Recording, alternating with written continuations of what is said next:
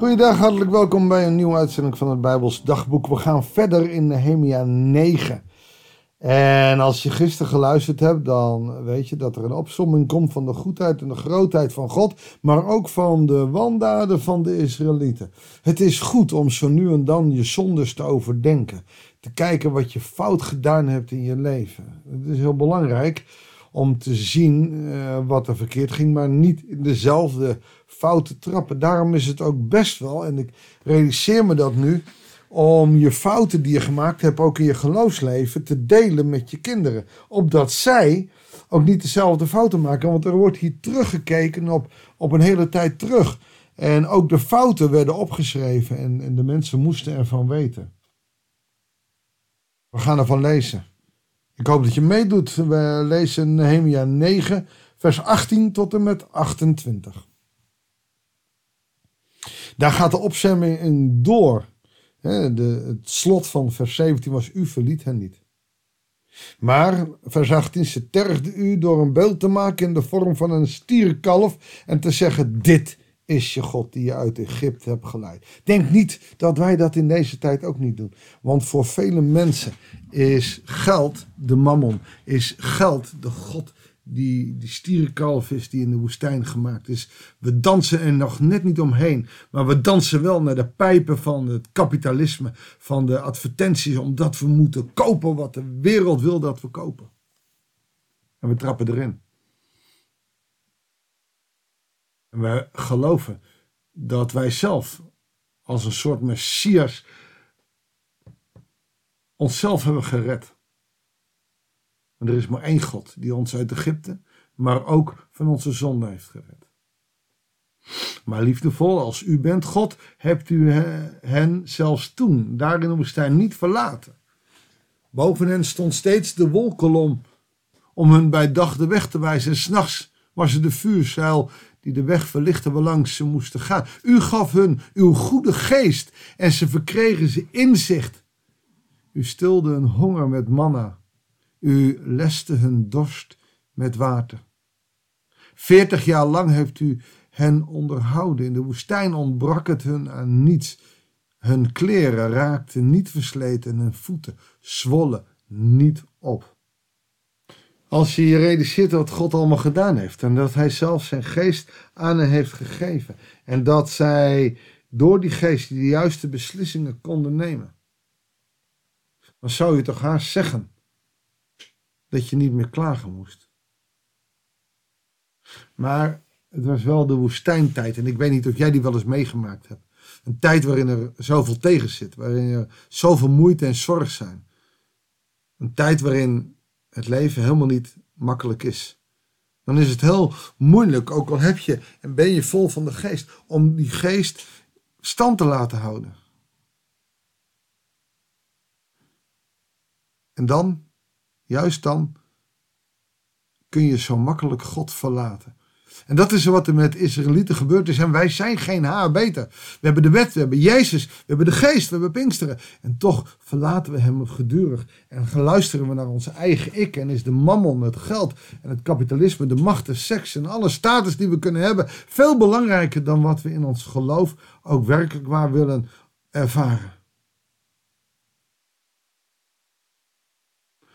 U gaf hun koninkrijken en volken, hun gebieden, wees u hun als grensstreek toe. Ze namen het land van Sigon in bezit, het land van de koning van Gesbon en dat van Och, de koning van Basen. Hun kinderen maakte u zo talrijk als de sterren aan de hemel en u bracht hen naar het land waar u uw voorouders had gezegd dat ze het in bezit moesten nemen. Hun kinderen kwamen inderdaad om het land in bezit te nemen. Voor hun ogen dwong u de Canaanieten, de inwoners van het land, op de knieën. En u leverde de koningen, de volken die er wonen, aan uit, zodat ze met hen konden doen wat ze willen.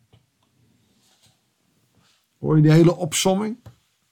Ze namen versterkte steden in en veroverden de vruchtbare grond. Ze namen huizen in bezit, vol met mooie goederen, de mooiste goederen. En ook het uitgehouwen putten, wijngaarden, olijfbomen en fruitbomen. Alles was voor de Israëlieten.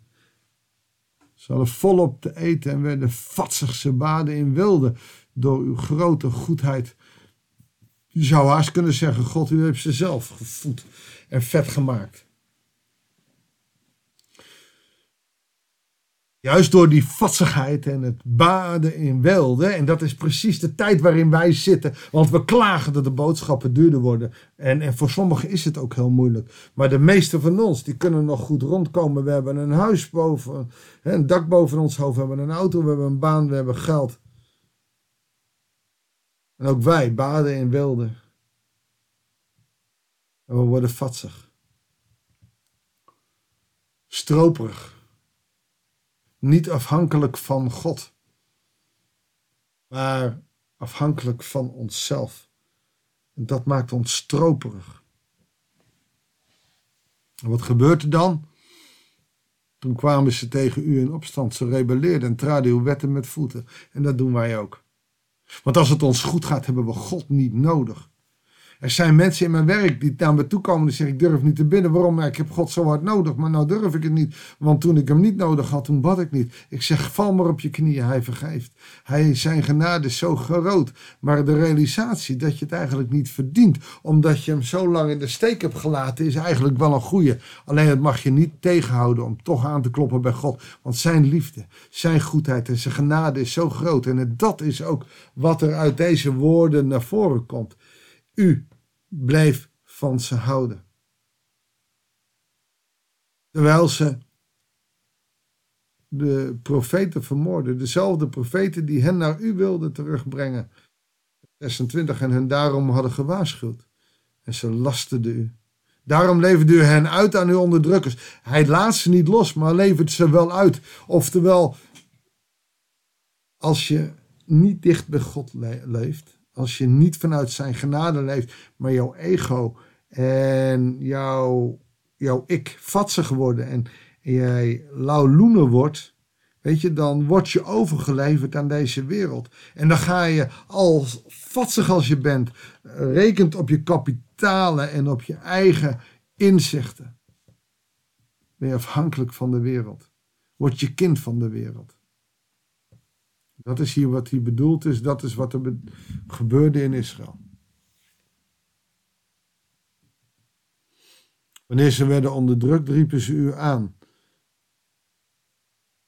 En u vanuit de hemel verhoorde hen. In uw grote liefde stuurde u bevrijders naar hen toe. En telkens weer redden die hen uit de greep van de onderdrukkers. Maar zodra ze weer rust hadden, deden ze weer wat slecht is in uw ogen. Dan leverde u hen aan hun vijanden uit, die hun vervolgens weer overheersten. En dan riepen zij u opnieuw aan. En vanuit de hemel verhoorde u hen weer. Liefdevol als u bent, redde u hen vele malen. En dat gaat zo ook in ons leven. Maar het moet niet. Eigenlijk moet je dicht bij God blijven leven.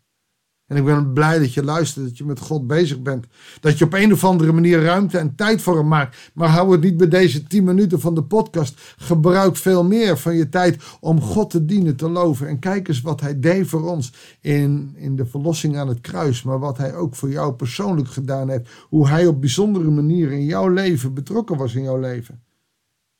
zeg niet dat je het niet meer weet ik denk dat je het heel goed weet. God is een God van liefde en genade. Ook aan jou. En als God dat geeft, dan moet dat terug te vinden. En daarom zeg ik je en zing ik eigenlijk het lied. Open the eyes of my heart, Lord. Open de ogen van mijn hart. Opdat ik de wonderen kan zien dat het niet toevalligheden zijn. Maar dat u dagelijks met mij bezig bent, Heere God. En dat mag mij bemoedigen. En zo mogen we elkaar bemoedigen. Mag ik voor jou bidden. Daar aan de andere kant van deze podcast. Want ik bid voor jou met de liefde van Christus die over je heen zal, zal vallen, zodat jij mag bedouwd worden met zijn geest, zodat je mag voelen dat God met je bezig is, dat je mag weten dat God dagelijks jou helpt, wonder in je leven doet.